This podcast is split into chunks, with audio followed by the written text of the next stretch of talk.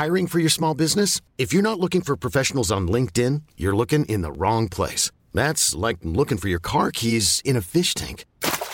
LinkedIn helps you hire professionals you can't find anywhere else, even those who aren't actively searching for a new job but might be open to the perfect role. In a given month, over 70% of LinkedIn users don't even visit other leading job sites. So start looking in the right place. With LinkedIn, you can hire professionals like a professional. Post your free job on linkedin.com slash achieve today. Since 2013, Bombas has donated over 100 million socks, underwear, and T-shirts to those facing homelessness. If we counted those on air, this ad would last over 1,157 days. But if we counted the time it takes to make a donation possible, it would take just a few clicks. Because every time you make a purchase, Bombas donates an item to someone who needs it. Go to bombas.com slash ACAST and use code ACAST for 20% off your first purchase. That's bombas.com slash ACAST, code ACAST. Many of us have those stubborn pounds that seem impossible to lose, no matter how good we eat or how hard we work out. My solution is PlushCare. PlushCare is a leading telehealth provider with doctors who are there for you day and night to partner with you in your weight loss journey. They can prescribe FDA-approved weight loss medications like Wagovi and Zepbound for those who qualify. Plus, they accept most insurance plans. To get started, visit plushcare.com slash weight loss. That's plushcare.com slash weight loss.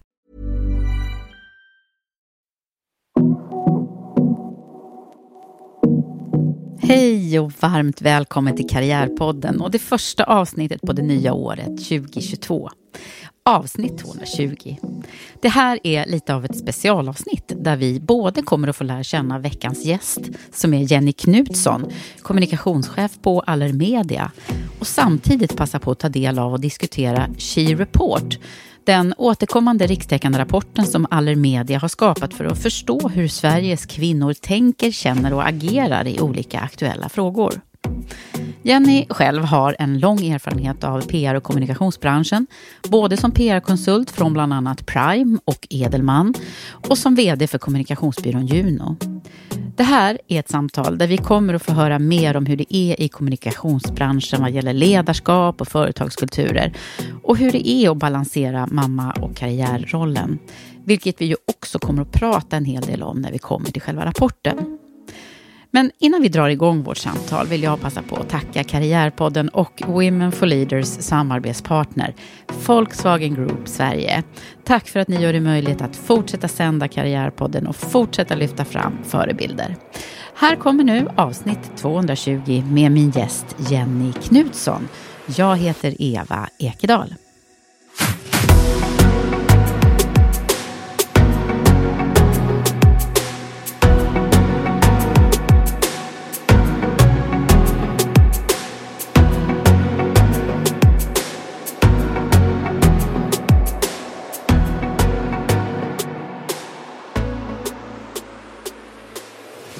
Jenny Knutsson, välkommen till Karriärpodden. Tusen tack Eva.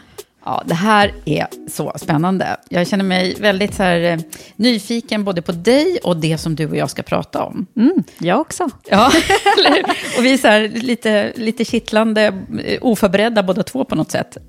Är ja, men jag tror, jo, men jag tror att vi löser det. Vi sa ju det precis, vi ja. tror att vi löser det tillsammans. Ja, men det kommer vi ja. att göra. Ja. Och eh, ja, eh, vi ska ju prata både om dig, för att lära känna vem du är och vad du håller på med och så.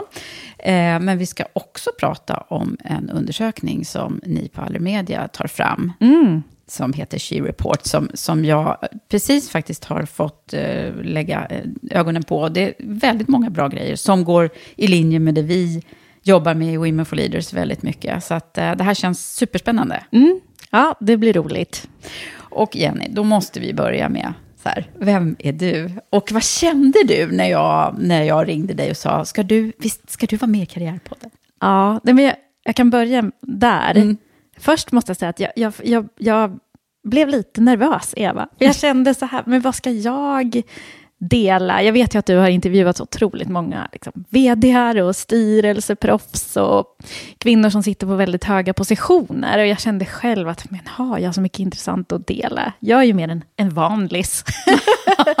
men sen ja. tänkte jag att just det där vanliga kan ju också vara intressant att lyssna på. Mm. Och att det också kan vara många saker som säkert många känner igen sig i eh, är det som, som vi kommer prata om idag. Mm, verkligen, mm. helt rätt. Och jag, alla är ju liksom, det jag har kommit på, vet jag, är, efter alla de här 220 samtalen, och tidigare också genom livet, det är att alla är ju egentligen vanliga. Ja, ja, så, ja så är det förstås. Det är ju faktiskt så. Men, ja. men, men, det, är klart, det är lätt att liksom sätta lite så här, tron på att eh, den ena har mer av det andra och så vidare. Mm. Och klart att högt uppsatta personer, det blir ju så här, man blir lite starstruck på, på en del av, såklart. Mm. Mm. Men eh, nu ska vi bli starstruck på dig.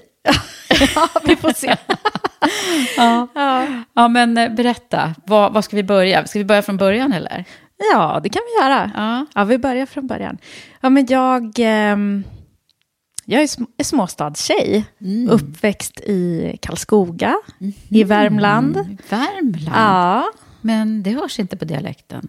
Tycker du inte det? Eller, Nej, vänta, ibland. Se, ja, kanske jag kommer det, jag att ana höra, det nu. Ja, jag får höra lite olika om det. En del mm. tycker att jag pratar väldigt mycket dialekt. Mm, men är inte liksom värmländska en av de dialekterna som är mest, eh, så att säga, likable i, i Sverige?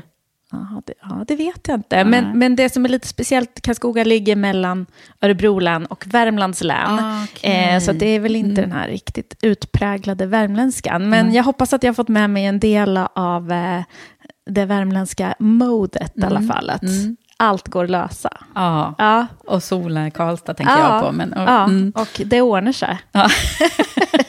ja, men det kanske är så med dig. Är det det?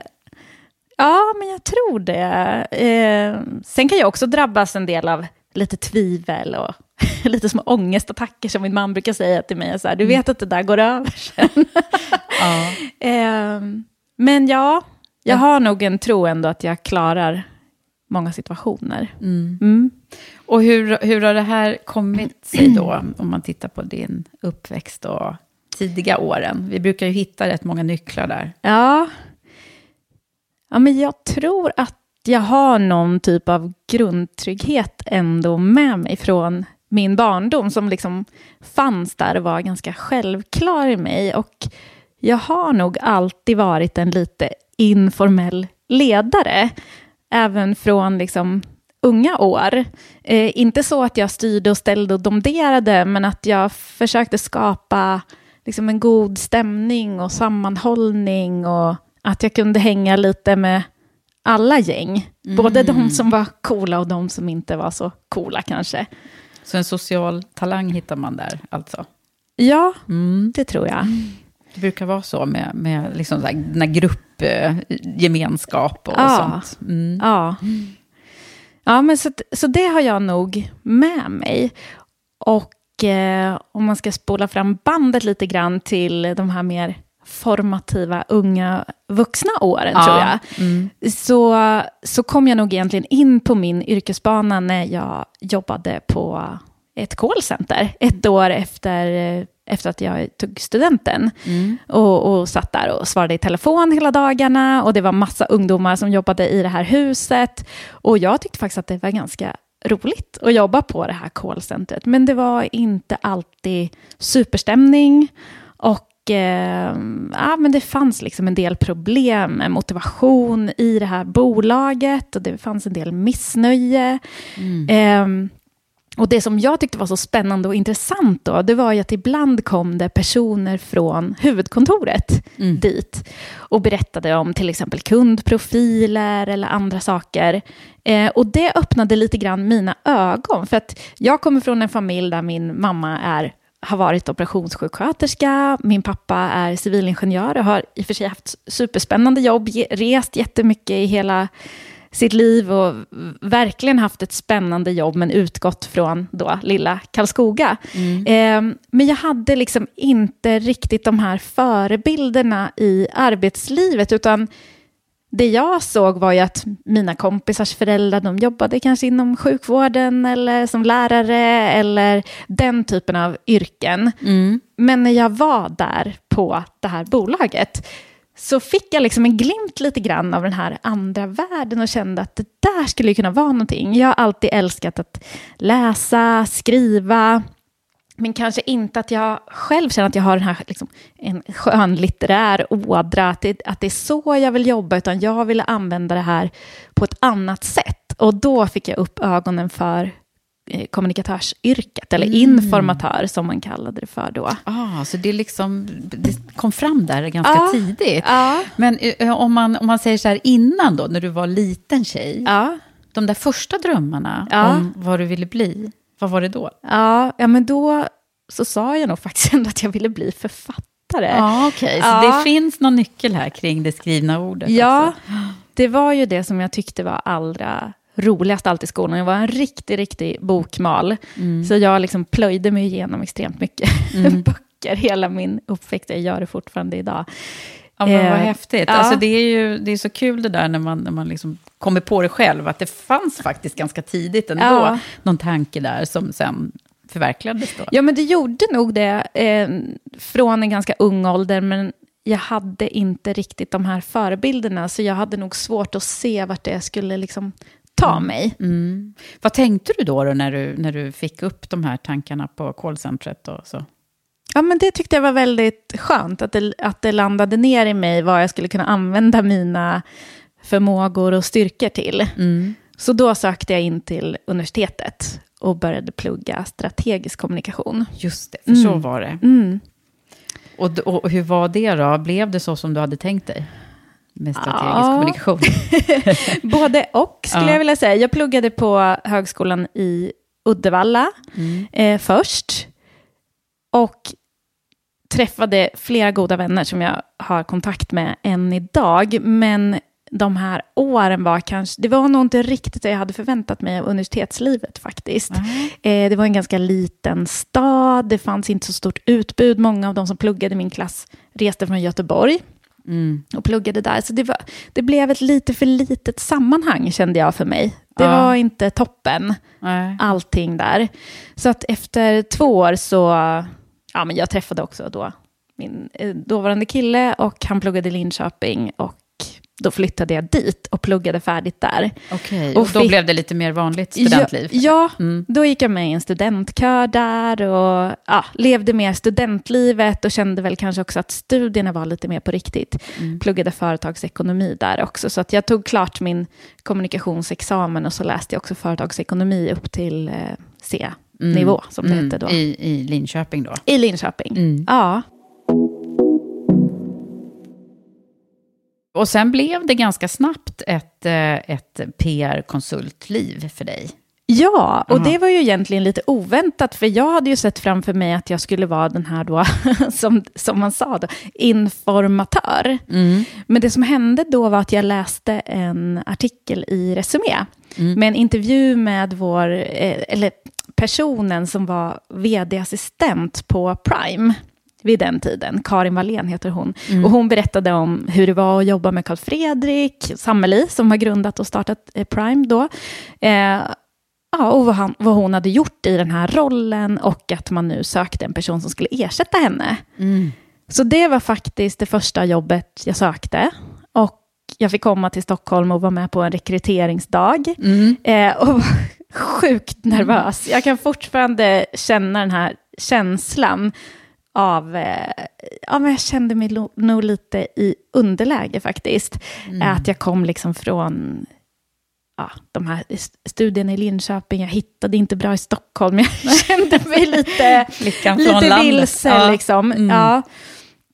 Men, och fick då genomgå massa olika tester på den här rekryteringsdagen. Och eh, kände ju faktiskt också på rekryteringsdagen att jag och Carl Fredrik, vi klickade väldigt bra redan i den här första Mm. intervjun. Och jag minns att när han stod och drog det här introt för alla oss som var på rekryteringsdagen så fick vi ögonkontakt liksom, på ett väldigt ja, men liksom, trevligt sätt. Eh, och jag hade turen att få det här Så jobbet då, det som jobbet. var mitt första jobb faktiskt, som jag sökte efter.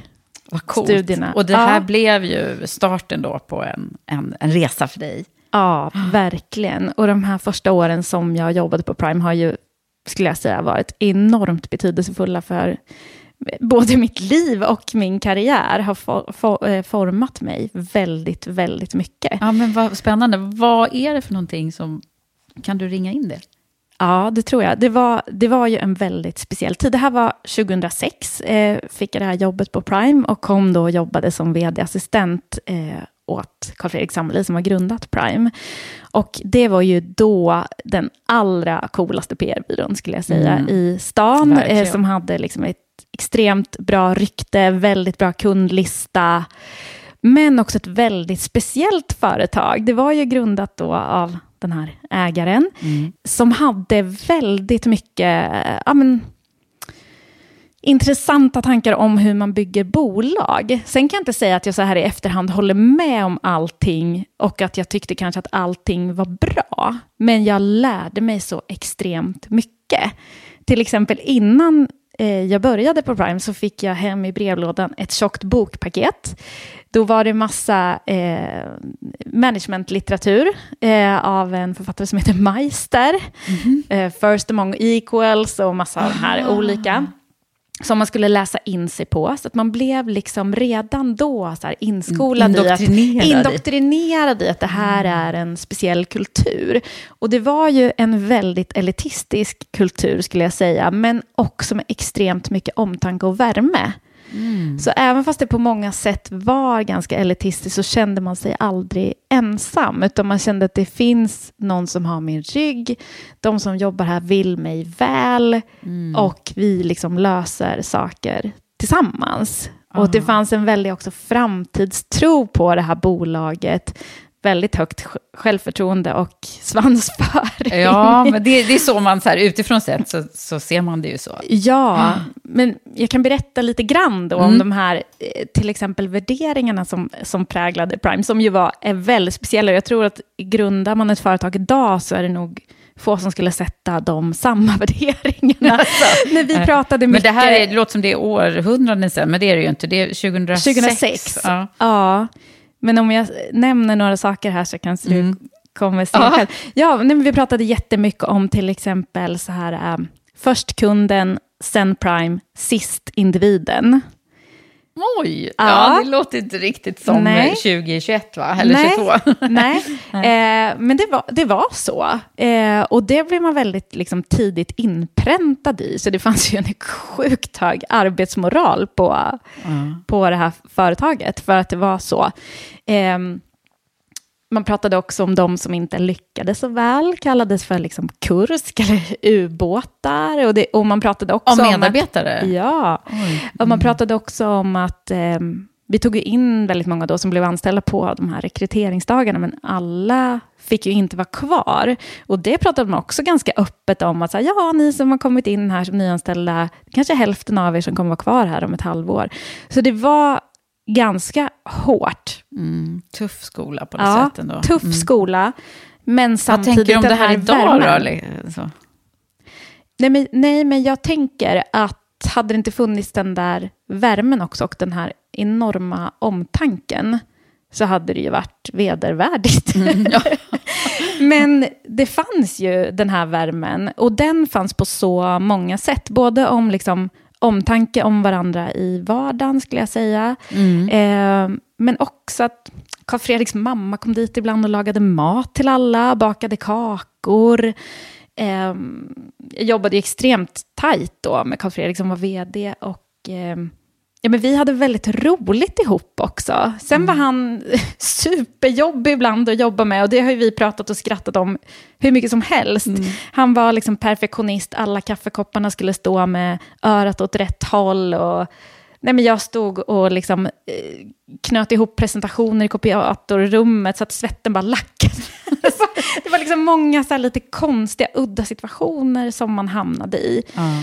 Eh, och det som jag har sett så här i efterhand, är, för när jag jobbade med Karl Fredrik så kunde jag vara lite så där irriterad på ibland. Jag tyckte inte att jag fick lära mig tillräckligt mycket om hantverket, liksom om PR-hantverket, utan jag var ju hans assistent. Mm. Så det var ju mycket det var ju mycket koka kaffe och springa ärenden och fixa och dona. Men samtidigt var han extremt transparent. Så jag fick ju vara med också hela tiden på insidan och fick se hur han skapade den här kulturen och det här ja, men ändå fantastiska företaget mm, som mm. han grundade. Alltså det, det här med vd-assistenternas eh, roll, ja. det, det, det, har ju förändrats över tid väldigt ja. mycket. Men, Men jag har träffat så många vd-assistenter som är typ de som ligger bakom hela företagets eh, strategi och eh, hjärna ibland. Nej, men det, är, det är ju ofta väldigt skarpa personer på, som har den rollen. Ja, och det var ju lite av en traineetjänst, så det var ju väldigt uttalat att du ska ha den här rollen Mm. kanske två år, liksom, Mm. eller någonting sånt. Jag tror att jag gick vidare efter, ja, lite, lite knappt två år. Mm. Så sen gick jag ju vidare och var PR-konsult. konsult. Mm. Och då fick jag ju också lära mig yrket Mm. mer och hantverket i att jobba med PR. Mm. Ja, vad Ja. häftigt. Nej, men det, det måste egentligen vara ganska bra, för man lär sig ju verkligen så företags-DNA på något Ja. sätt, när man kommer så nära ledningen och tankarna bakom och strategi Ja. Och, och värderingar som du säger. Och Ja, så. Mm. verkligen. Och, och som sagt var, jag kanske inte håller med om så att alla de här värderingarna kanske inte var fantastiska, men hur man använde dem eh, och byggde den här en väldigt...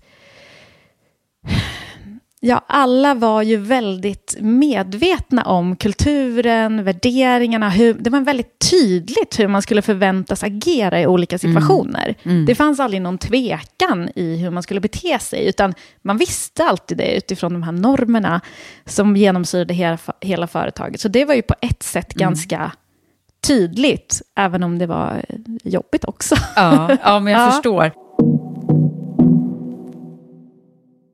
Sen har ju du gjort en massa saker i din, din karriär. Eh, Ja. Men det har ju varit en, verkligen en röd tråd, förutom att du har varit i min bransch en liten sväng Ja, också, och varit jag. rekryteringskonsult. Ja. Eh, och, Ja. ja, du testade på det ett tag.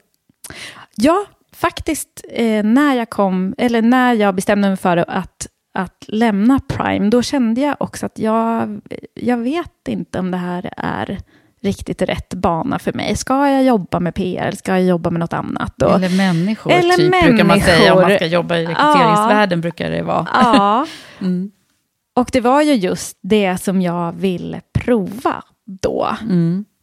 Och kom till ett företag som heter Hammar och Hanborg, Mm. som ju är rekryteringskonsulter och jobbar mycket med eh, inom kommunikation och marknadsföring. Precis, och den och, röda tråden fanns ju kvar där med kommunikation. Ja, Mm. eh, men det blev inte riktigt som jag hade tänkt mig faktiskt.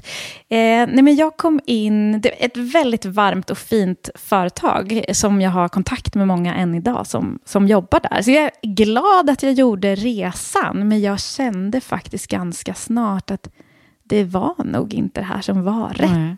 Men du har provat det. Jag har det där provat tycker det. jag är så bra att du säger. För Ja. det säger jag ju när jag ger råd till människor i karriären hela tiden. Att Ja. det gör inget, man kan prova. Ja. Då vet du det. Liksom. Ja. Och, och, och för oftast är det så här, nej det blev fel. Och så är man lite så här ransakande över att varför valde jag det? Men, ja. men du har ju den erfarenheten nu. Ja. Eh, och lärde dig säkert några bra grejer när det kommer till rekrytering. Ja. Tänker jag. jag menar nu, när Jag du sitter lärde- i där rollen du är idag eh, och när man, är, när man är chef så är det en väldigt bra skill att ha. Att, att kunna jobba med människor och kanske också se vilka det är som passar för vad och så vidare. Ja, Nej, men så jag, lär, jag lärde mig jättemycket. Och det som var lite speciellt var att jag var faktiskt gravid när jag Ah. började jobba på Hammar och Hanborg. Mm. Och var ju lite nervös över hur ska det här bli. Så jag berättade ju det innan, innan jag började. De visste ju om det. Mm. Och kände ju ganska snart att nej, men det, det var nog inte riktigt det här faktiskt som jag drömde om. Men då visste jag ju ändå att nu ska jag jobba några månader, sen ska jag vara föräldraledig. Mm. Så då kunde jag på något sätt ändå vila i det och tänka så här, jag får suga ur och lära, lära mig och, och försöka bidra med det jag kan.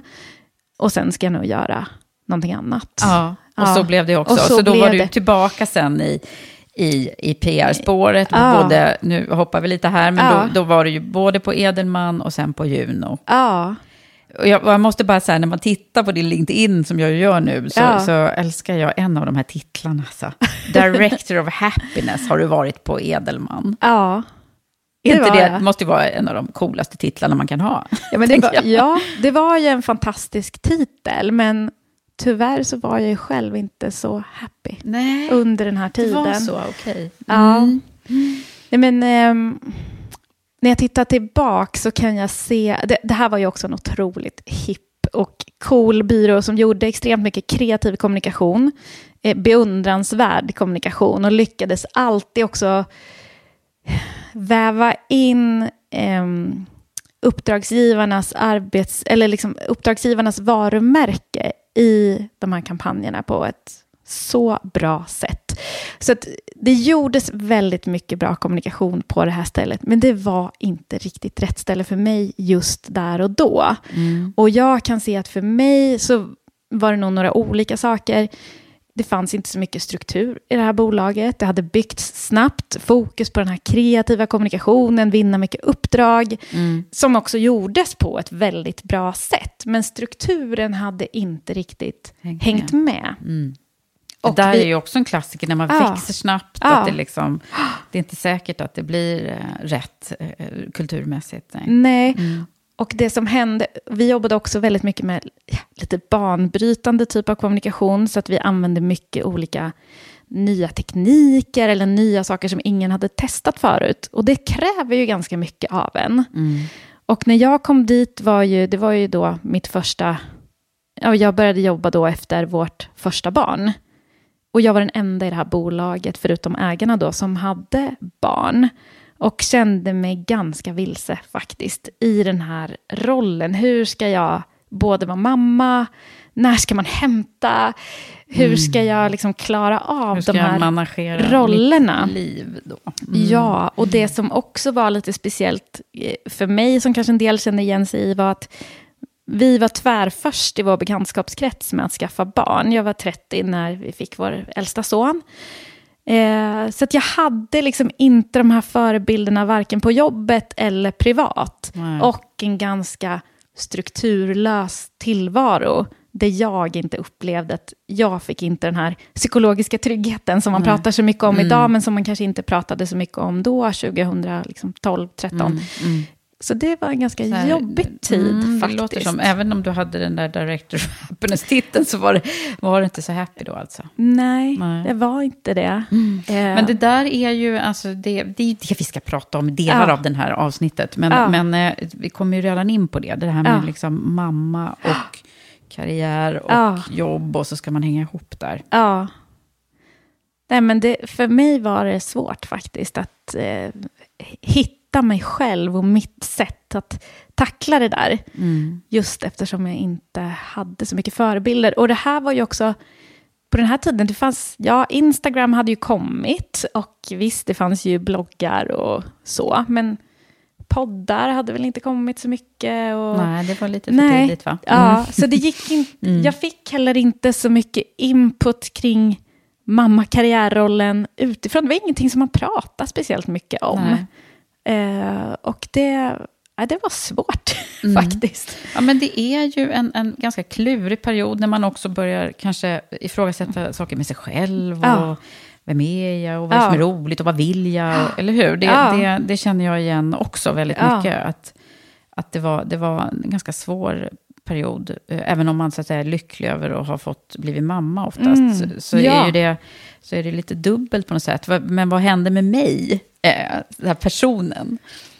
Ja, verkligen så. Och för mig var det också så att den här tiden, den, den byggde inte upp mig, utan den gjorde snarare tvärtom. Jag var van att var liksom, känna mig kompetent, känna att jag klarade av saker. Jag kände inte riktigt att jag gjorde det i den här miljön.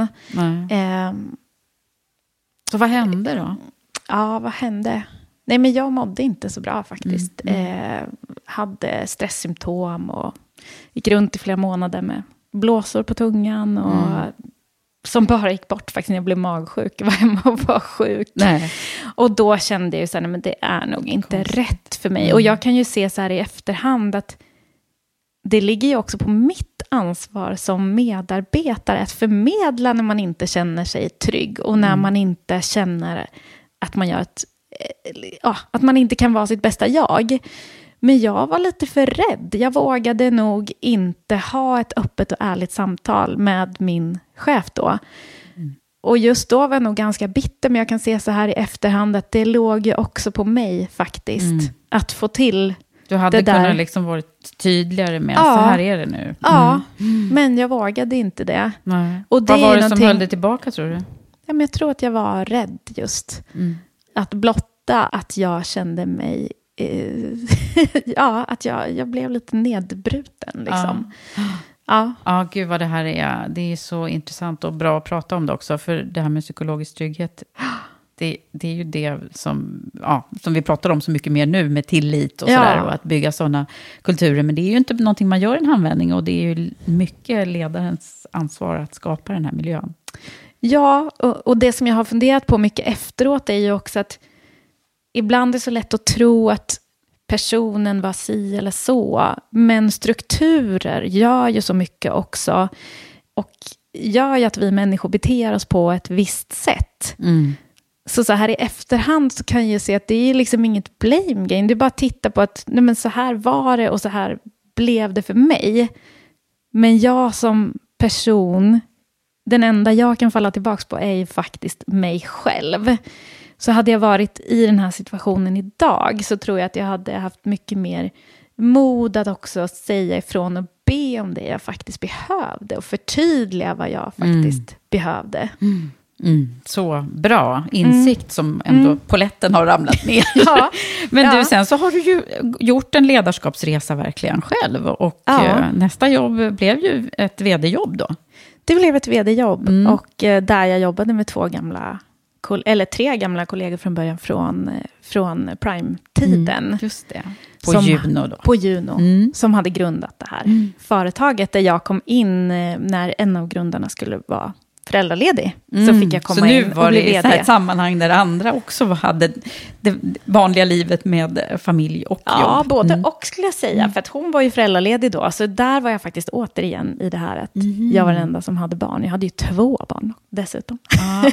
Åh, ja, men Juno grundades ju av de här grundarna då. Eh, med utgångspunkten att man måste kunna jobba i kommunikationsbranschen och PR-branschen och, och må bra. Det var egentligen deras grundtanke till varför är, de är startade det liksom den här. så att kommunikationsbranschen är, alltså du berättar ju några grejer här som får min polett att ramla ner lite, Ja. men är lite tuffare än andra branscher? Ja, bevisligen. Det kom ju ganska nyligen en undersökning som, som visar att kommunikationsbranschen är den bransch av alla som är mest drabbad av utmattningssymptom.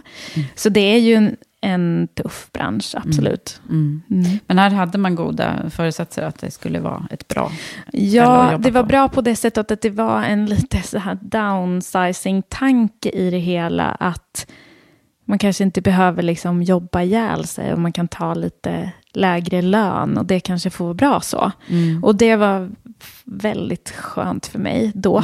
Ja, ja. att, att driva det här bolaget med de här personerna som jag beundrar på väldigt många sätt.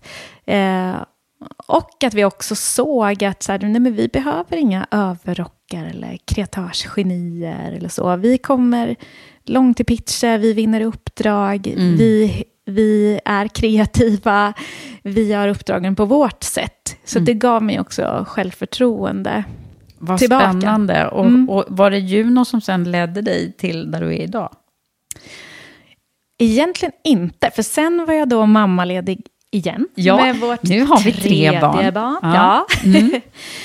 och ja, men då började väl det här skavet lite som jag kände redan på primetiden. Men är det det här jag ska jobba med? Liksom, är, är det här rätt? Och får jag ut hela min potential? Och Byrålivet? Liksom, byrålivet. Jag kände lite grann det att man hoppar mellan väldigt många olika varumärken. Man skjuter in idéer och så från sidan, arbete från sidan. Men man får aldrig riktigt vara med och se så här riktigt, vart tar det vägen? Hur följer vi upp? Hur går vi vidare och så?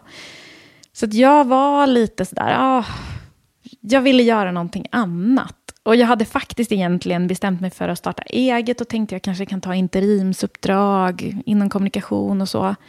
Men så fick jag den här möjligheten att komma till Allermedia och bli kommunikationschef där. Mm. Du fick frågan. Ja, jag fick frågan. Och det är jag extremt glad över. Ah. För jag har aldrig haft så roligt på jobbet som jag har nu. Nej, är det så? Ja. Vad är det som är så kul då? Men jag kände direkt tror jag när jag kom till Allermedia att det var som att komma hem. Dels var det en fantastisk spännande utmaning som Allermedia stod inför då. Det är ju ingen hemlighet att hela mediebranschen befinner sig i en enorm transformation. Eh, och hade ju kommit en bra bit på vägen. Mm, Eh, gått, i, gått igenom en stor del av transformationen, men vilket också innebar att på bara några år så hade man ju varit tvungen att säga hej då till flera hundra medarbetare. Så det var ju en väldigt... Och lite sargat. En lite du- sargad organisation som jag kom till, men med mycket framtidshopp, Mm. med extremt mycket smarta, bra kollegor, en väldigt stark vd som inte är kvar nu. Eh, och jag fick väldigt tydliga direktiv från min vd då och eh, min chef som är HR och kommunikationsdirektör. Mm. Som sa att eh, det, det du ska göra, du ska ett, bygga vårt employer brand, du ska bygga vårt business to business varumärke och du ska bygga vårt eh, varumärke när det gäller att eh, köpa andra bolag. Så det var ju en väldigt liksom, tydlig uppgift jag fick. Och det som också var så otroligt härligt tyckte jag som kommunikation var att vi, eh, precis innan jag kom in, det här var 2019, så hade man lanserat vårt why, att ge Sveriges kvinnor ett rikare liv. Ja, Ja, det går ju här- jag igång på lite faktiskt. Ja, men det gick jag också igång på enormt mycket. Och med de här tydliga målsättningarna som jag fick och med vårt tydliga why så blev det också väldigt lätt för mig att liksom släppa lös min kreativitet och eh, ja, mina styrkor. Jag kände helt plötsligt att jag är på helt rätt plats. Gud vad härligt. Ja. Och då är det så här, det är så spännande att höra dig berätta om dina olika jobb. Liksom, det är ju så här, man, man går ju lite, ja, nu ritar jag i luften, men Ja. eh, alltså, man går ju lite kringelkrokar. Ja. Även om det, i ditt CV så är det ju en väldigt röd tråd. Så det är ju inte så att du har gått några jättestora omvägar. men ändå så är det ju så här, man formar ju sig själv genom att man faktiskt tar de här olika jobben och lär känna olika kulturer och miljöer Ja. och människor längs vägen. Så att, eh, men, Och så är det ju ofta, om man tittar på en, en CV liksom i efterhand, Mm. så ser det oftast ut som en väldigt rak tråd. Mm. Men det är ju inte så säkert att tråden var så rak i Nej, själva och man, man kanske inte känner så när man är mitt uppe i det, framförallt Nej. inte då. Nej. Men om vi nu skulle också prata lite mer om Jenny och, eh, och ledarskap då? Ja. För nu är du ju, sitter med i ledningen här och driver de här frågorna och så. ja. Vad är det som har format dig som, som ledare mest, tror du? Och vad har liksom betytt mest?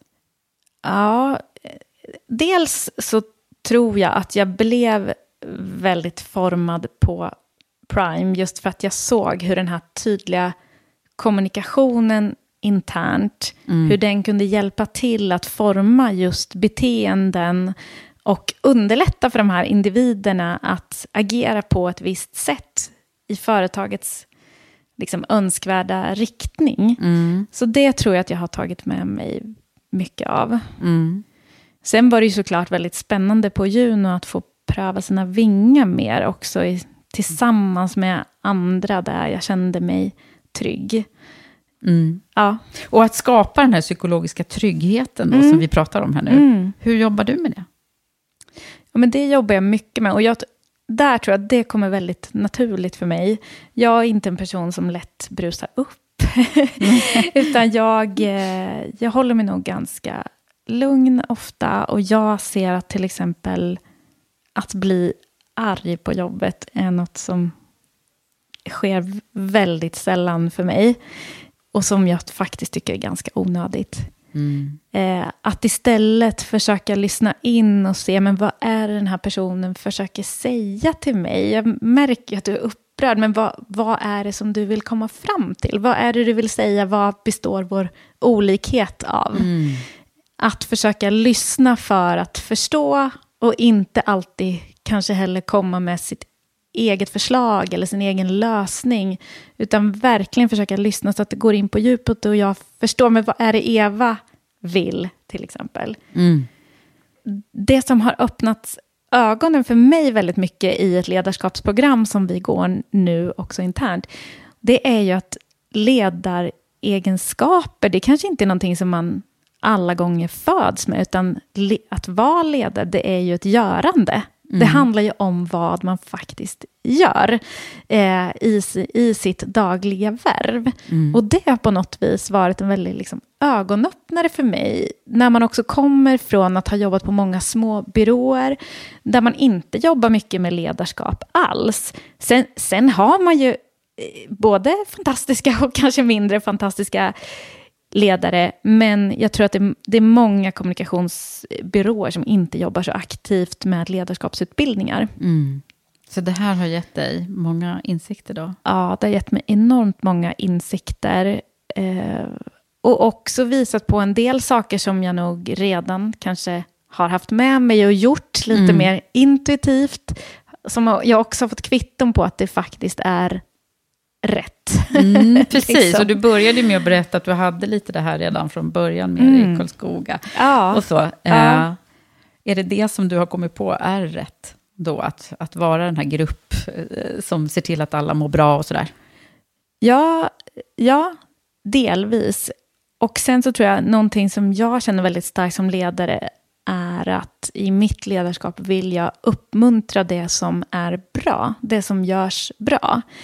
Och det försöker jag göra. Jag är väldigt liksom, snabb med att ge positiv feedback och att ge feedback på det faktiska beteendet, vad mm. någon har gjort.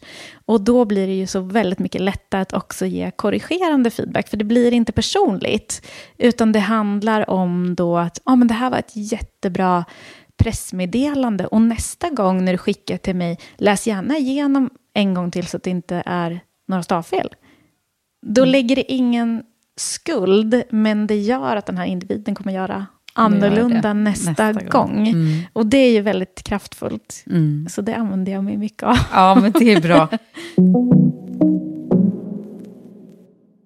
Du, eh, jag tänker också på, nu har ju du varit inne lite på det, men, men jag brukar ju alltid beröra det här med toppar och dalar. Mm. Eh, och jag tror redan när vi har varit inne på några kanske, men vad är det som har varit tuffast för dig hittills? Ja, nej men jag, jag berättade ju där lite om hur det var några år där jag inte kände att jag var i...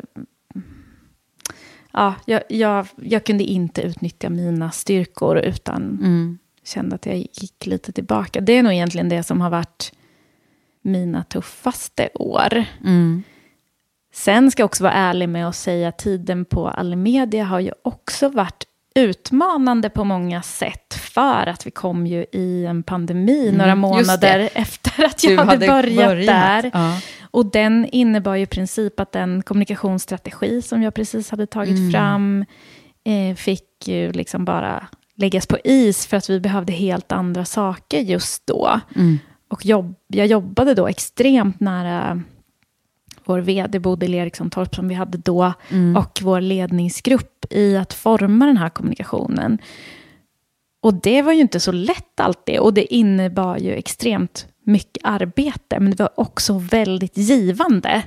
Eh, väldigt skönt också att Bodil har ju själv varit kommunikationsdirektör och förstår ju liksom den här vikten av att jobba starkt med kommunikation. Så när vi kom in i den här covid-krisen ja. så kände jag ju att vi hade ju ett samförstånd i att kommunikation var ett sätt ett väldigt, liksom ett väldigt viktigt redskap att komma framåt i mm, den här mm, krisen. Det, så, så det kunde ju vi verkligen mm. enas i. Mm. Sen var det ju inte alltid så lätt att komma fram till hur vi skulle göra saker och, och, och, vad vi sen gjorde.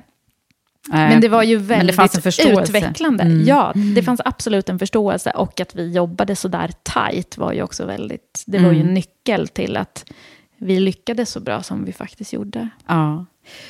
Okej, men det låter som vi är också inne på lite så här, ringa in, vad är det som har varit avgörande för din karriär? Och du ska få summera här lite mm. också kring det. Ja. Eh, och jag brukar ju ibland försöka få mina gäster att, hamna lite där, lite tidigare i livet. Så här, vad, om inte det här hade hänt, vad hade då... Alltså du vet, sådana ja. där ja. vägskäl och viktiga grejer som, som du också nu vet och som du kanske kan skicka med till andra som nu Alltså jag har min egen dotter, hon pluggar eh, kommunikation nu på Bergs. Ja. Eh, och så så att, eh, ja, men det finns ju många, kanske inom just ditt skrå också, som kan ja. bli inspirerade här, tänker jag. Ja, vad ska jag säga då? Nej, men jag tror att um, väldigt viktigt vad man kommer till för typ av organisation. Ibland tror jag när man pluggar kommunikation eller vill jobba med kommunikation att man är väldigt inriktad med att man alltid vill jobba med en spännande produkt eller liksom ett hett varumärke. Mm. Men jag tror att det blir tydligt viktigare att titta på vad kommer jag jobba med för chef och i vilken konstellation kommer jag jobba och få utlopp och göra det som jag är duktig på Mm. och kan. Det, det är ett, ett medskick som säkert väldigt många har sagt här. Ja, ja typ ganska många. Ja. Ja, välj din chef, eh, ett av de eh, mest vanligt förekommande Ja. råden. Ja, Mm. välj din chef. Ja.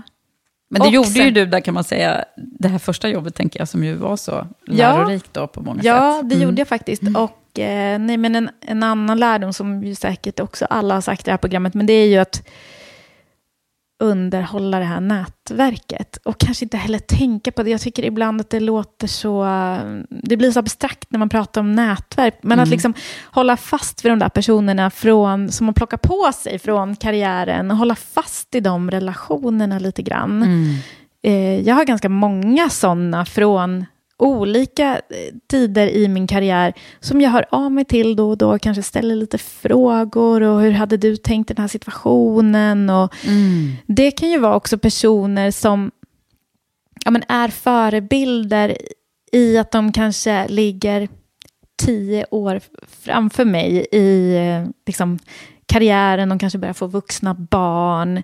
Det kan vara väldigt också skönt att ställa frågor till en sån person som handlar om inte bara specifika frågor som rör jobbet, utan som handlar om hur, hur liksom klarar man av de här åren och hur ska man göra? Mm, så bra. Mm. Och jag gillar verkligen att du säger det där med, nu driver ju jag i och för sig nätverk, så att jag, jag pratar ju väldigt mycket om det, men, men det behöver inte vara så pretentiöst. Nej. Man kan faktiskt bara så här odla de här... Ja. För det, ju- det, det har jag tänkt på många gånger med min egen karriär också, att man... Det finns ju arbetskamrater som jag fortfarande tänker på ibland. Ja. Eh, som, som jag borde egentligen ringa varje gång jag tänker på dem. Ja. Men, men, ja, men eh, så viktigt är att, att tala om för dem att man både uppskattar dem Mm. och gillar dem. Och också som sagt var, använda varandra när man Mm. behöver det. Mm. Det är bra. Ja, och också försöka vara lite generös när personer gör åt andra hållet. Eller ib- jag får ibland liksom mejl från kanske studenter som frågar, jag vet, ja, jag pluggar det här och det här, jag vet inte riktigt hur jag ska ta mig vidare. Försöka lägga lite tid på det där och tänka efter hur mycket det kan betyda för den personen som sitter där. Mm. Eller hur? Ja, Pay it forward. ja verkligen. Det är också en nyckelord för oss i Women of Leaders. Och det är ju Mm. det, är det vi bygger hela verksamheten på. Det är Mm. så bra. Och du pay it forward där nu när du sitter där. Ja. Ja, ja men du, var det någonting som du så här, hade behövt höra när du var 20? Ja, jag hade nog faktiskt behövt höra att jag skulle tro mer på mig själv. Jag har nog varit, eh, nej men det pratade Carl Fredrik mycket om på tiden, på tiden på Prime, att de anställde insecure overachievers. Och det var ju jag i ett nötskal. Ja, ja. Eh, han hade det som strategi? Alltså. han hade det som strategi och han var väldigt öppen med det. Så det, var, det känner jag att jag kan säga här också i Ja, podden om Carl ja. Fredrik lyssnar. Ja, Eh, ja. Men eh, vad har hänt med det nu då? Har det hänt något över ja, tid? Ja, faktiskt. Jag skulle säga att jag har en helt annan grundtrygghet idag. Och det handlar ju också om att, ja men herregud, jag var ju helt ny i branschen. Jag kunde ju ingenting om det här yrket.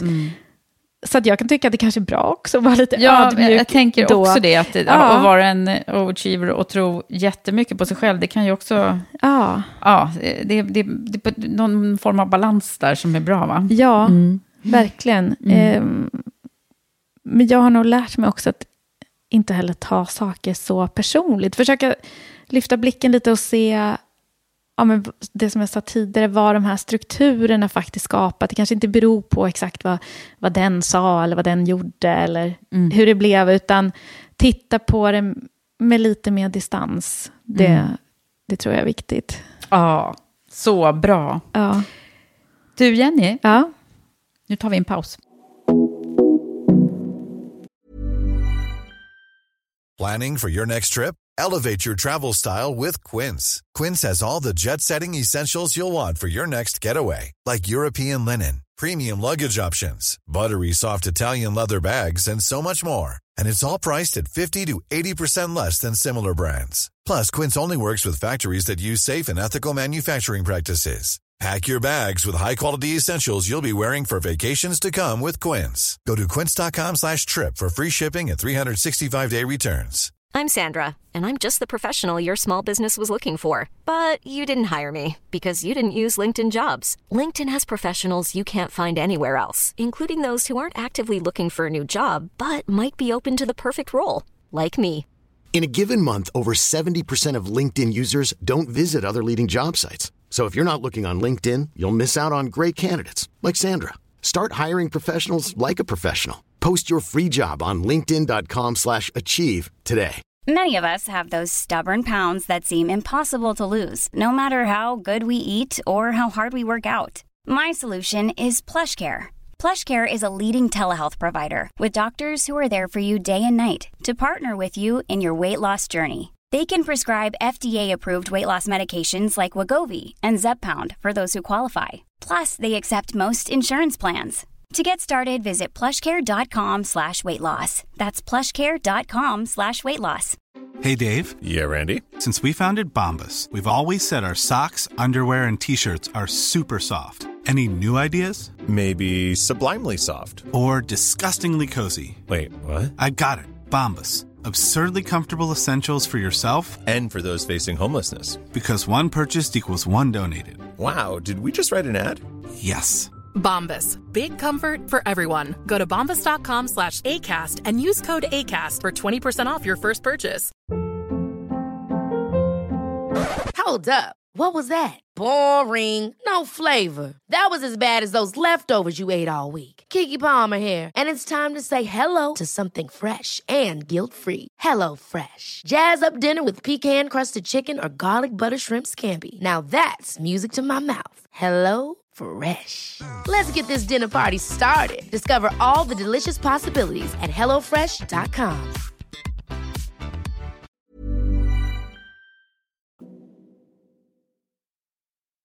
Ja, men Jenny, nu, nu ska vi göra en annan grej här i Karriärpodden. Jag tycker det passar så bra nu när det är nytt år och alltihopa. Att vi ska ta och dyka ner i de här rapporterna som ni gör på Allermedia, som jag inte hade koll på förut, som heter She Report. Ja, Det är tydligen en återkommande grej som ni gör eh, i lite olika tema, eh, frågeställningar då, där ni försöker förstå hur Sveriges kvinnor tänker, känner och agerar i olika frågor. Ja, stämmer. Och då gick ju jag igång på det här, för det är ju precis det jag också är väldigt intresserad av. Mm. Plus att jag har en x antal egna erfarenheter och tankar om det här då. Men det, det, och då, det är ju väldigt stort, omfattande material om man skulle prata om alla de här rapporterna samtidigt. Men jag Ja. tänker att den som, den som pa, kanske passar allra bäst här eh, hos mig i Karriärpodden, det är ju den som handlar om just balansen och eh, hur vi får ihop våra liv helt enkelt. Med både jobb och karriär och, Ja. och familjeliv. Ja, Nej, men, och det kände ju också vi på Allemedia. Ja, men som du sa, vi ger ut den här rapporten två gånger per år.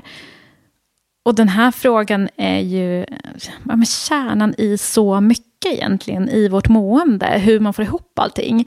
Och vi har ett väldigt, eh, ja men som sagt var, vi ger ut sex rapporter per år och den här handlar om kvinnor, karriär och balans. Och vi har ett eh, citat av en psykolog som heter Kristin Öster i den här rapporten och hon säger så här, alla som säger att det går ihop ljuger. Och det tycker jag är så talande. Ja, verkligen. Jag vet inte, jag har säkert gjort massa eh, specialavsnitt tidigare om liksom balansen i livet och diskuterar ju det här ganska ofta med Ja. många gäster.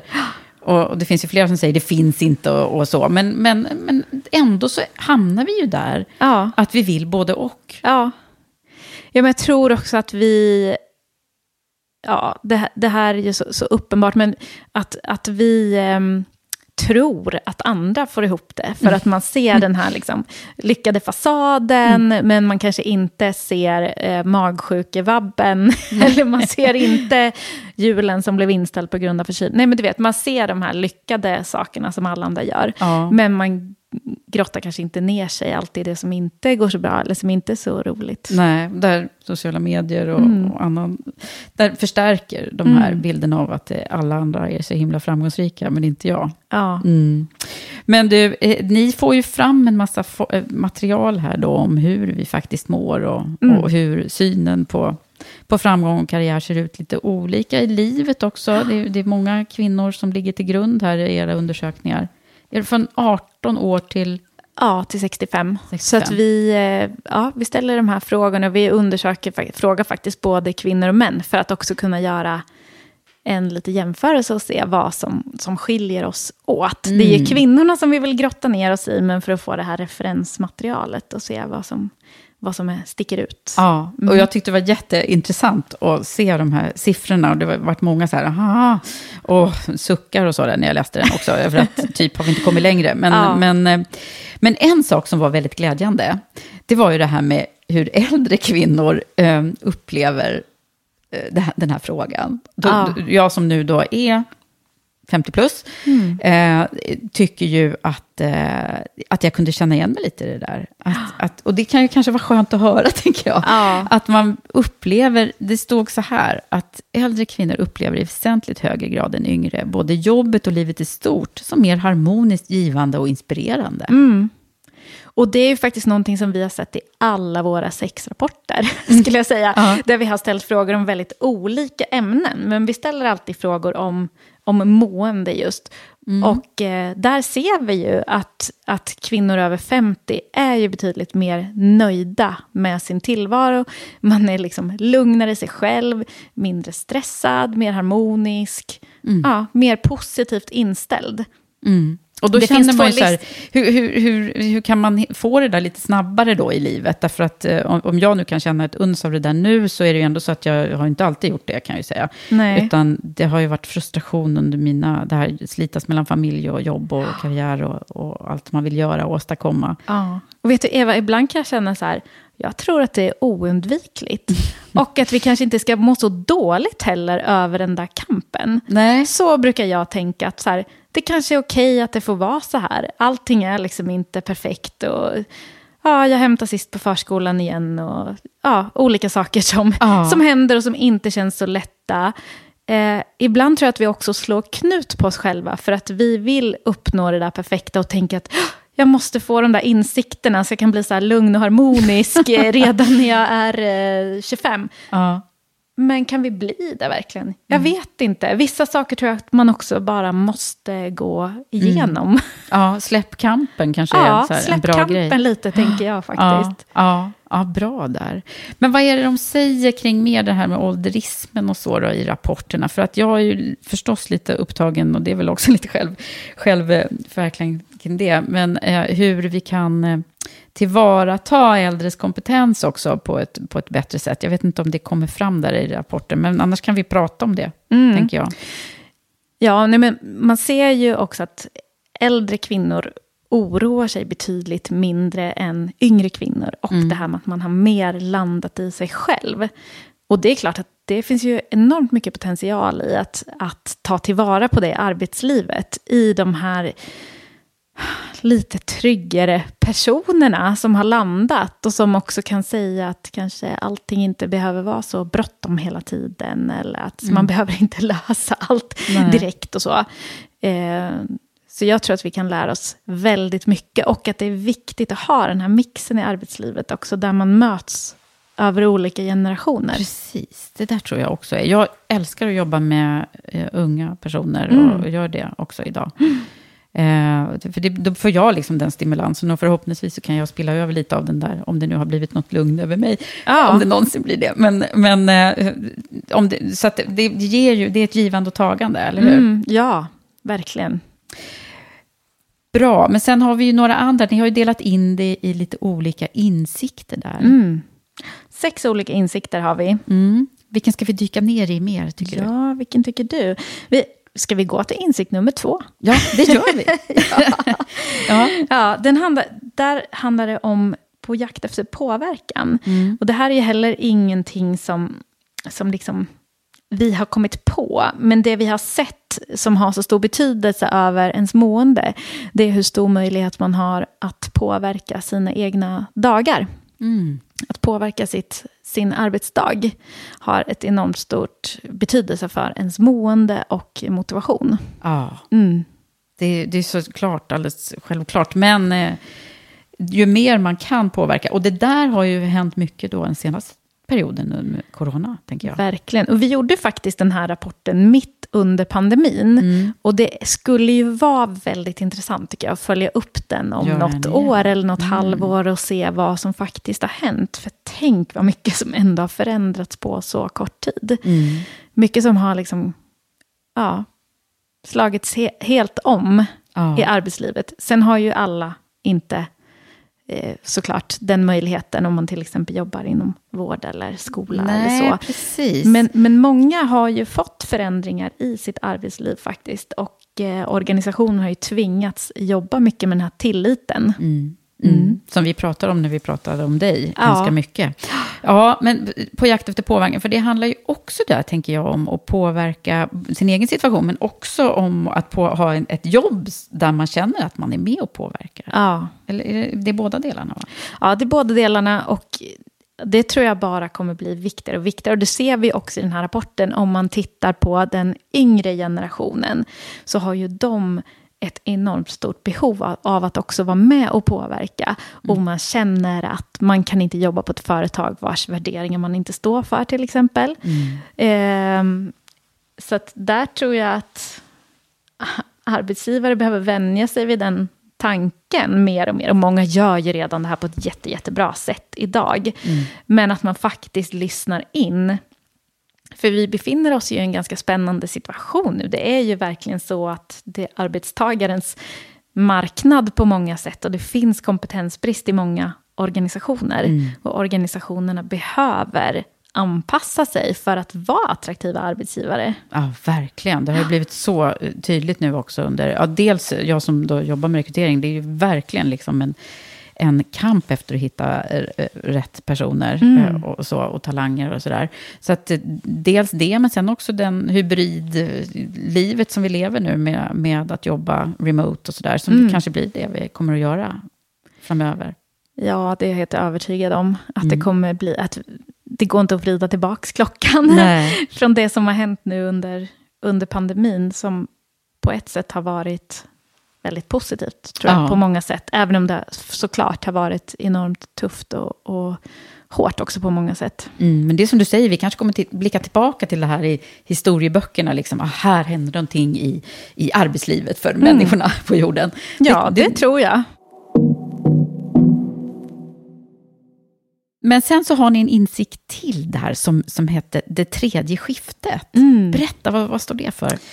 Ja, nej men, eh, det är ju så intressant. Då är det ju en eh, kvinna som heter Gemma Hartley som har skrivit eh, en bok som heter Fed Up, Emotional Labour, Women and the Way Forward. Så det är hon som har myntat det här begreppet då, det tredje skiftet. Och hon, hon skriver då att det finns ett första och ett andra skift. Och det första skiftet beskrivs som det är vårt yrkesarbete. Det andra skiftet är vårt familjearbete, det här som vi gör när vi kommer hem från jobbet. Eh, men det tredje skiftet, det är allt det här administrativa arbetet som många kvinnor gör. Administrativa. Och det, ja, Mm. och det här känslomässiga arbetet. Mm. Att man kanske får be sin man om att göra olika saker till exempel. Mm. Eller att kvinnor många gånger är de som tänker ut alla julklapparna. Kanske några har stått inför nu, inför Ja. julen. Ehm, så att man, har, att man är familjens projektledare. Ja, Det är det tredje skiftet. det är det. Ja. Och vet du, jag har ett annat namn på det där. Det var någon som sa det på en, en, en grupputveckling som, vi, som jag jobbade med. Eh, som hette, hon benämnde det som det här klistret. Mm. Som bara hela tiden sitter i, liksom, Ja. i huvudet. Ja. Och, eh, och jag ska berätta om en, en, en annan grej som jag stötte på eh, nyligen, när jag, i en forskning i USA, som, där man hade studerat mäns och kvinnors hjärnhalvor i vila. Mm. Intressant. Oerhört intressant. Ja. Eh, ja, jag ska lägga upp de bilderna någonstans eh, i sociala medier, för man blir, man blir helt tagen av detta. Mm. Hur, hur vi liksom hela tiden, det här som det tredje skiftet då, Ja, har... Men det, det står, det, vi har faktiskt skrivit Det- lite skrivit om det. här Ja, också. ja. Att det finns forskning som visar att när män kommer hem från jobbet så går deras puls ner. De varvar ner, slappnar av. Mm. Lägger sig på eh, soffan. Ja, medan kvinnors puls höjs. Mm. Så det är ganska talande för att det Att det finns är- många olikheter. Men jag är så fascinerad över det här, hur det här verkar också ske rent genetiskt på något konstigt sätt. För i de här hjärnhalvorna då, som jag, den här bilden som jag har sett, då, då kan man säga så här, en, en man som vilar, eh, där, där, om ni kan föreställa er det då, så är det liksom en, en liten punkt som, där man ser ett svart fält, liksom, och sen Ja. är resten alldeles ljust och fint. Och så ser man en kvinnas hjärna i vila. Hur tror du den såg ut? Ja, inte Alltså det, det likadant. är så här, Många prickar olika som små prickar är som förbundna pågår med hela tiden. säkert. Ja, och det är ju typ de här gåvorna till, till lärarna och till födelsedagar och Ja. allt det där, tvätten och det där som vi på något sätt... Och jag, jag ser det här hända, jag har ju både en dotter och en son. Och, Mm. alltså, det, och det, hur mycket är det som är genetiskt och hur mycket bygger vi upp själv? Mm, mm. Ja, därom tvistar de lärde, håller jag på att säga. Ja. nej, men, nej, men det finns ju mycket forskning som visar på det också. Det, det är klart att det finns ju genetiska skillnader. Mm. Ja. Det har jag blivit också lite Men hur är det hemma hos dig då, Jenny? Ja, jag har Ja. ju tre små pojkar hemma och Ja. jag är uppväxt med en syster. Så det kan jag säga att det har varit slående faktiskt att det kan vara ganska stora skillnader. Mm. som jag inte tror bara beror på personlighet. Men ska vi bjussa lite på hur, hur vi själva har det nu då, kring det här? Låt oss. Ja. Hur, hur har du det hemma hos dig? Ja, men jag har ju som sagt var tre små pojkar, de är åtta, tio och tre. Eh, och en man som också jobbar mycket, jag också jobbar inom kommunikationsbranschen. Så att, eh, nej, men det är ganska hektiskt. Men jag tycker vi får ihop det där ändå bra. Och jag tror en av de ja, men nycklarna till varför vi får ihop det och inte liksom håller på och tjafsar så mycket om de här sakerna, liksom vem som ska göra vad, det är för att vi har en ganska tydlig uppdelning hemma. Mm. Så att min man, han tar hand om allting kring barnens aktiviteter.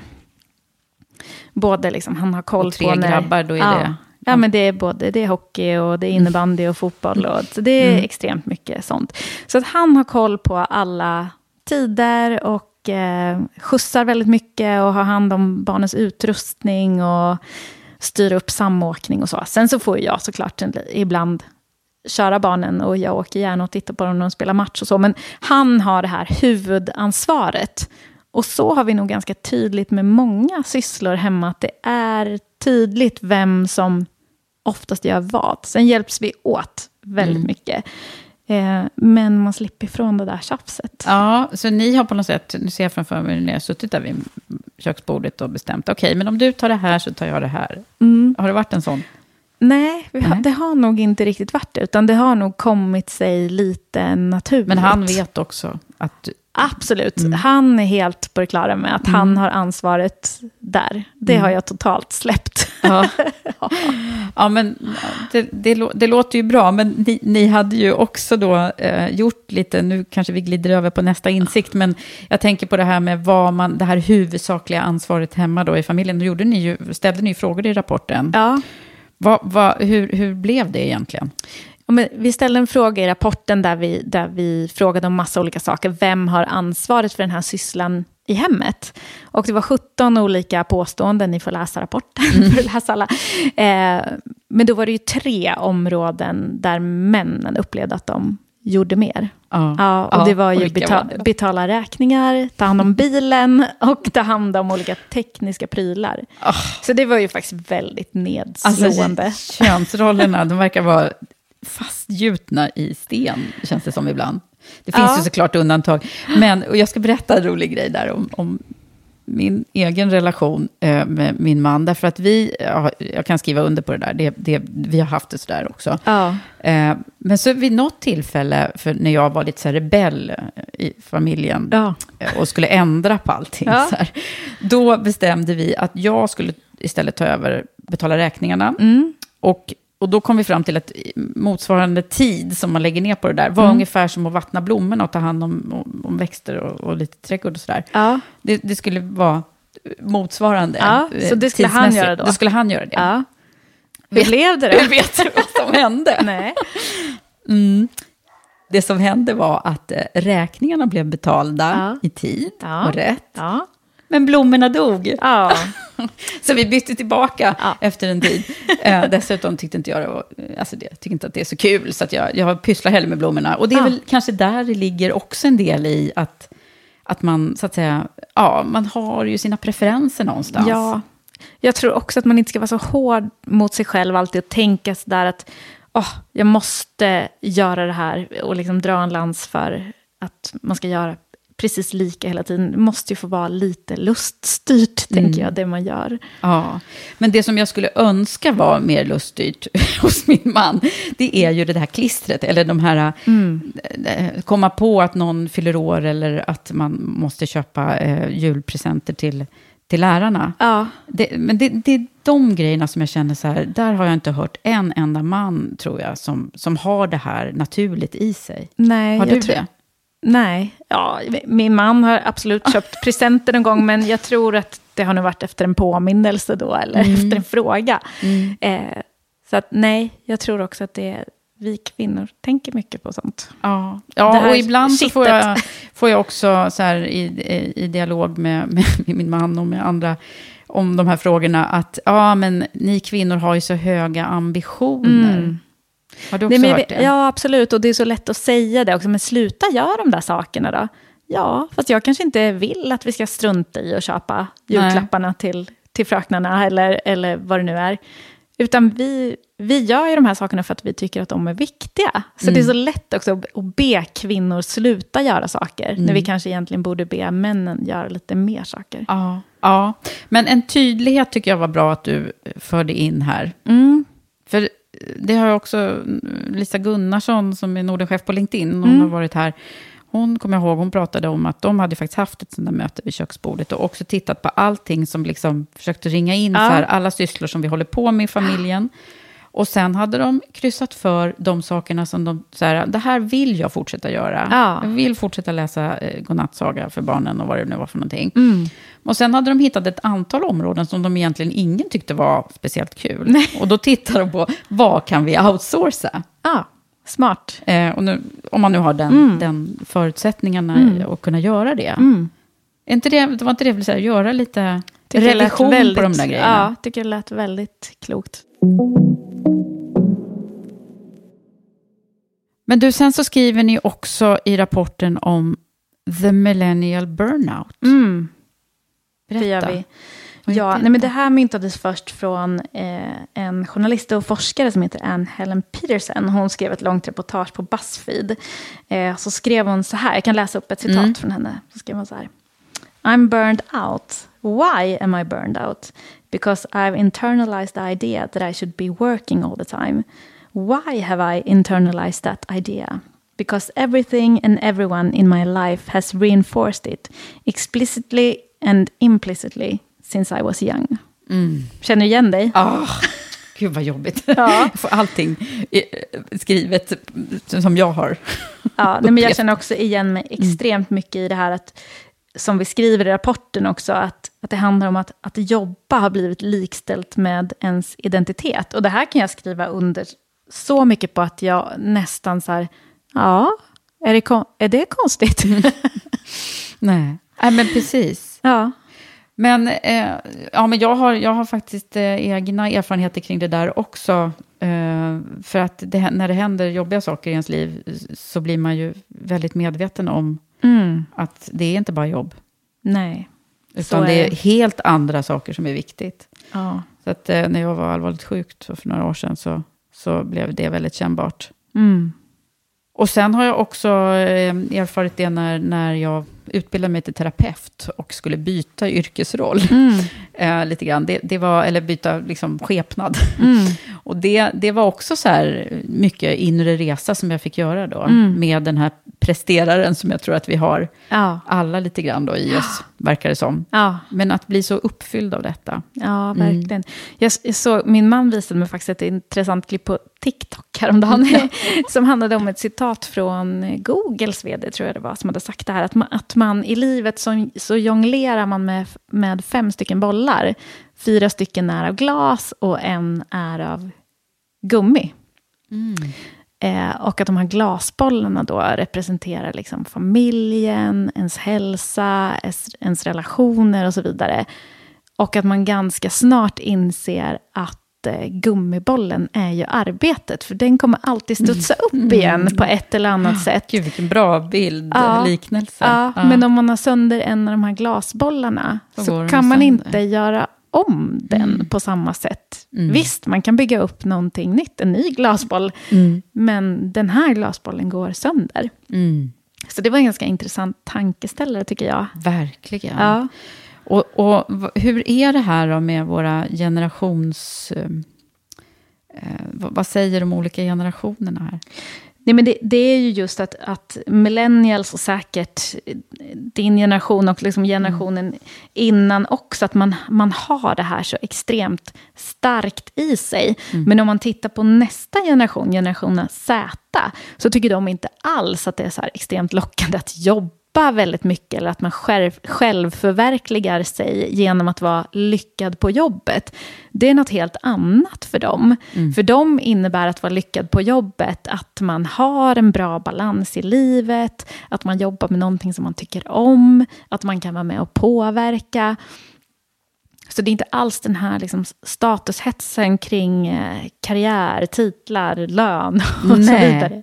det är ju inte det. Nej. Och jag, alltså, när jag döpte podden till Karriärpodden, Ja. kan ju tänka dig då, liksom, då kändes det väldigt naturligt för mig, Ja. för det är ju sju år sedan, drygt till och med. Och, och då, då var det, men nu, jag har ju fått vända och vrida på det här ordet, det är ju väldigt laddat, Mm. eh, vad, vad det betyder också. Mm. Vad, vad, vad tycker du om ordet karriär? Vad betyder det för dig? Ja, men för mig så är ju ändå karriär ett positivt laddat ord. För jag tänker på det som att man gör liksom en, en resa genom sitt arbetsliv. Och där den ena stenen bygger på den andra. Så jag har nog inte ett liksom negativt, eh, en negativ konnotation till, Nej. till karriär. Nej, men det lät ju som att vi, om vi går in på en av de här eh, sista insikterna där, så lät det ju som i, i rapporten att eh, eh, just det, framgång för de här eh, riktigt unga, Ja. de, jag tror det här var en 21-årig kvinna, Mm, mm som hade sagt det här. Framgång för dem i min ålder är ju liksom inte en karriärstege, chef, fin bil och cash, utan hur man mår, att man lever hållbart och jobbar med något meningsfullt. Ja, och, och precis det här att, att när man frågar yngre kvinnor vad, vad förknippar du med att göra karriär och nå framgång? Då säger de att, ja, men att, att jag liksom i mitt arbetsliv kan bidra till en bättre värld, att jag kan träna aktivt och äta hälsosamt och styra över sin egen tid och ha en bra balans i livet. Och kanske inte heller just att, att karriären möjliggör de andra sakerna, utan att det nästan går hand i hand. Det är så självklart för dem att man ska kunna leva på det här sättet. Mm. Ja, och det låter ju såklart alldeles, alldeles naturligt och självklart för mig också. Men jag, jag tänker så här att eh, jag har någon liten tes av hur, hur, hur vi påverkas av våra föräldrar. Vi prata lite om det? Alltså, Ja. eh, för min, jag är ju då 60-talist och eh, jag brukar lite skämtsamt, jag vet inte om det är vedertaget, men att eh, kalla för vår generation för generation prestation. Mm. För våra föräldrar var ju de som, som ja, det kan ju vara lite olika, men 20-30-talet, någon gång är de förmodligen födda. Mm. Och det var innan kriget. Och de var ju så präglade av arbetsliv, eller jag Mm. fick i alla fall höra så här, skaffa dig ett bra arbete Eva, och tjäna pengar, och liksom Ja. det var väldigt viktigt. Ja. Och det har ju liksom satt fart på mig då på något sätt. Mm. Och sen så är ju frågan vad jag gör med mina barn då, Mm. som är födda på 90-talet. Ja. Jag har ju förmodligen sagt samma sak, eh, fast inte riktigt på samma sätt. Men de har också sett mig jobba alldeles för mycket, Ja. bitvis, och, Mm. och liksom vara den här eh, karriärmamman då, Mm. och pappan. Eh, och vad har det betytt för dem? Mm. Och då har jag såklart, jag kan ju se lite vad som händer med dem, för de, eftersom de är stora. Och de verkar ju i och för sig gå lite i samma spår. Eh, men det kan ju bli en motsatt effekt. Ja, men det, blir, det, det är ju spännande att se vad som tar vägen och, och vad som händer med ens barn. Du har ju större barn. Ja, men du har ju lite yngre. Vad, vad Ja. tror du om din liksom, prägling av dina, från dina föräldrar och hur du nu gör med dina barn? Då? Ja, nej, men jag har också haft en extremt eh, stark prägel av att man ska liksom jobba, göra rätt för sig, alltid göra sitt bästa. Så du är nästan också lite generation prestation. Ja, väldigt mycket tror jag. Fast du är ju född på 80-talet. 80-talet. Ja. Mm. Ja, men väldigt mycket så. Och det jag försöker säga till mina barn nu, det, det handlar ju om att så här, men hitta det som känns bra och kul för dig. Mm. Men det vill väl alla föräldrar för sina barn, tänker jag. Ja, jo, det är klart, det är ju liksom go- goda föräldrar. Men vad tror Ja. du dina föräldrar, de är födda på vilket år? På, på 50-talet. 50-talet, Mm. ja. Mm, så det är efter kriget och det är liksom, då är det lite high life och, och sådär på gång. Ja, men jag tror att de var nog eh, också ganska, ja, men ganska konservativt och väldigt mycket Luther. Ja, Ja, det tror jag. så du fick med dig lite lutherskt Ja, arv. ja, jag var väldigt nära också min farmor och farfar. Och där var det ju extremt mycket så, liksom att jag kanske fick någon liten slant om det gick bra på mina prov. Och så det, Ja, det var väldigt kopplat till prestation. Mm. Ja, men då är det ju inte så konstigt att det här har, alltså att det kommer fram i de här rapporterna, att vi har det här prestationsinriktade Nej. sättet att se på jobb och, och karriär. Nej, verkligen inte. Men, men jag tycker att det är så spännande att fundera på nu vad den här ja, men tiden i pandemin också har gjort i att skynda på, tror jag, ganska mycket processer. Och att det har ställt saker lite grann på sin spets. Att man har fått fundera igenom, både som privatperson, men också på, på företagen. Hur ska vi faktiskt locka till oss de här unga talangerna framåt? Alltså en sak som ni avslutar lite med här i rapporten, det, här, det handlar ju också om det här med att, att eh, hållbart, hur ska man leva ett hållbart liv? Och att det, eh, kvinnor associerar i högre utsträckning än män ett hållbart liv med goda relationer. Och det här med att äta medvetet och hälsosamt och leva hälsosamt och så. Att det är liksom ett hållbart liv. Mm. Ja, men det är också så intressant om man tittar på faktiskt i flera av våra rapporter. Då ser ju vi också att det som kvinnor svarar i hög utsträckning också stämmer överens på en yngre målgrupp. Så att kvinnor har ju faktiskt kommit lite längre. Ja, så är det.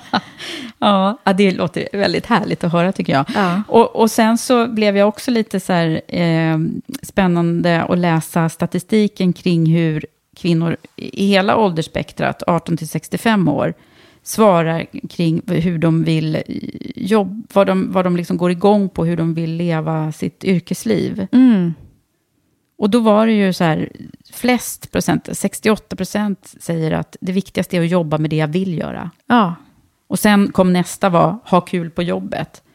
Och tredje var, ha bra balans mellan jobb och fritid. Mm. Det var topp tre. Mm. ja. Känner du igen dig? Ja. Men jag undrar om hur jag hade sagt när jag var liksom ung kring det här. Jag vet faktiskt inte. Vad, vad, vad säger du? Har det hänt liksom grejer med din egen resa? Ja, både och skulle jag nog vilja säga. För när jag gick, ja, som jag berättade i början på min karriär, jag, var, jag hade ju ändå en idé vad jag ville jobba med och vad, eh, var jag kunde utnyttja mina styrkor. Så det, det är ju egentligen det som kvinnor då svarar, att man vill Ja. jobba med någonting som man tycker är roligt. Ja. Eh, så att, ja, det har nog egentligen hängt med mig faktiskt. Ja, ja och det låter ju som du, du har gjort det och gör det nu. Ja. Ja, och jag Ja. med, Ja. kan jag säga. Fast det har kanske inte alltid varit så, utan man har fått treva sig fram lite grann. Ja, ja, Mm. men det pratade vi om här tidigare, Mm. att livet går ju lite så Ja. upp och ner. Ja, precis. Eh, vad är det för någon slutsats som du känner att du, när du läste den här, just den här rapporten? Mm. Nej, men jag tycker att det är hoppfullt också att titta på att en yngre generation går i bräschen och att vi fortsätter förflytta normer och eh, förhoppningsvis går mot ett ja, lite mer välbalanserat arbetsliv där man också tar större hänsyn till individ och välmående. Det tycker jag är hoppfullt. Ja, hoppfullt. Det vill vi skicka med, verkligen. Mm. Och sen så tänker jag också att vi är ju precis i början av året nu. Eh, och många sitter där med sina almanackor och planerar och hur ska de leva sina liv här nu för Mm. att få det mer både hållbart och lustfyllt kanske. Och jag blir så här, ja, det kan man absolut göra, men det är också lite så här prestation i, i de här sakerna. Ja, det blir ju det.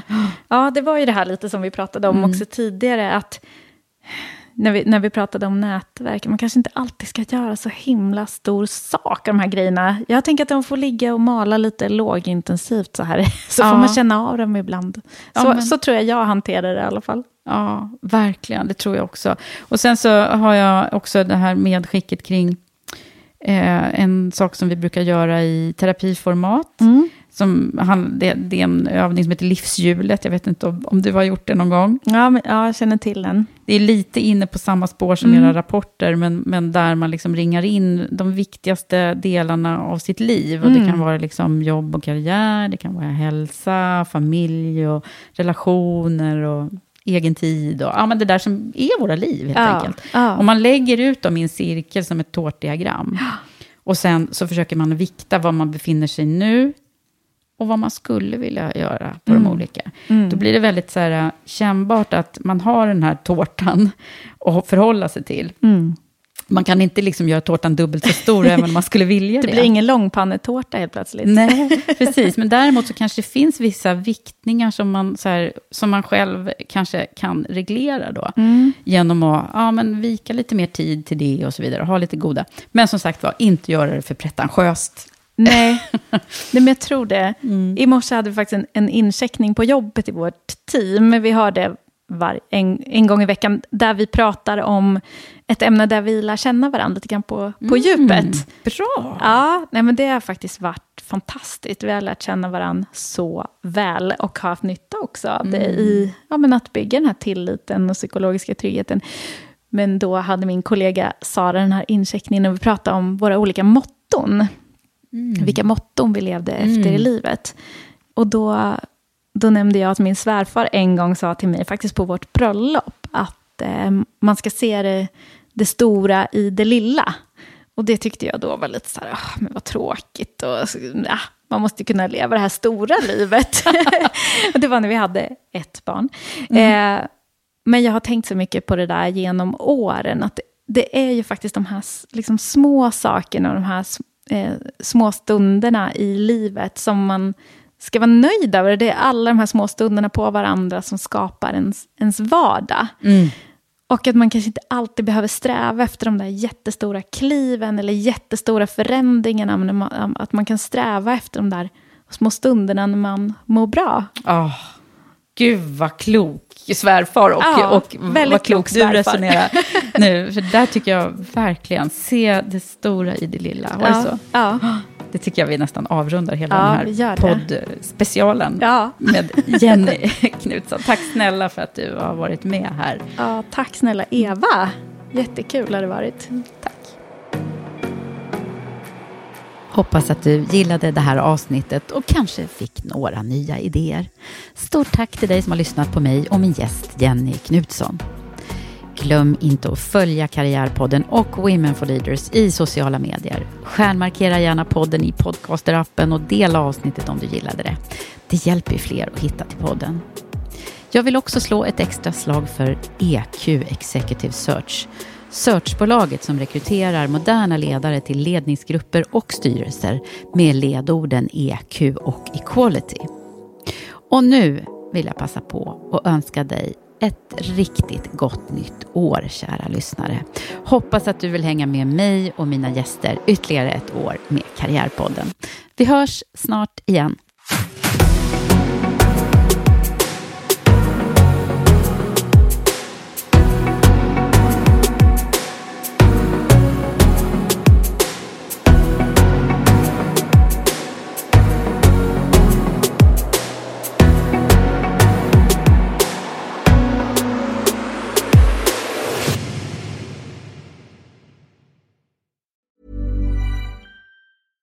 Catch yourself eating the same flavorless dinner three days in a row?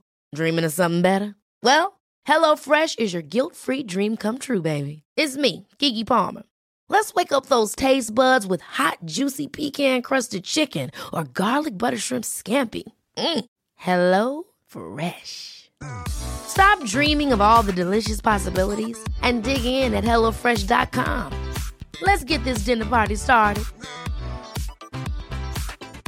The secret to visibly firmer, summer ready skin is here. Osea's number one best selling Andaria Algae Body Oil. Clinically proven to instantly improve skin elasticity and transform dull, dry skin to silky, soft, and unbelievably glowing. Rich yet never greasy, Andaria Algae Body Oil is formulated with sustainably sourced seaweed to help replenish the skin's moisture barrier and seven nourishing active botanical oils for results you can see and feel all over. The best part? Its signature scent. A blend of freshly squeezed grapefruit, cypress, and mango mandarin transports you to sun kissed summer days. This all natural scent is unforgettable. Everything Osea makes is clean, vegan, cruelty free, and climate neutral certified, so you never have to choose between your values and your best skin. Get healthy, glowing skin for summer with clean vegan skincare from Osea. Get 10% off your first order site wide with code GLOW at OseaMalibu.com. That's O S E A Malibu.com code GLOW. Traffic jams, tailgating, pileups. Ugh, the joys of driving. How could it get worse? The federal government wants to have a say in what you drive. That's right. The Biden administration's EPA is pushing mandates that would ban two out of every three vehicles on the road today. Don't let Washington become your backseat driver. Protect the freedom of driving your way. Visit EnergyCitizens.org. Paid for by the American Petroleum Institute.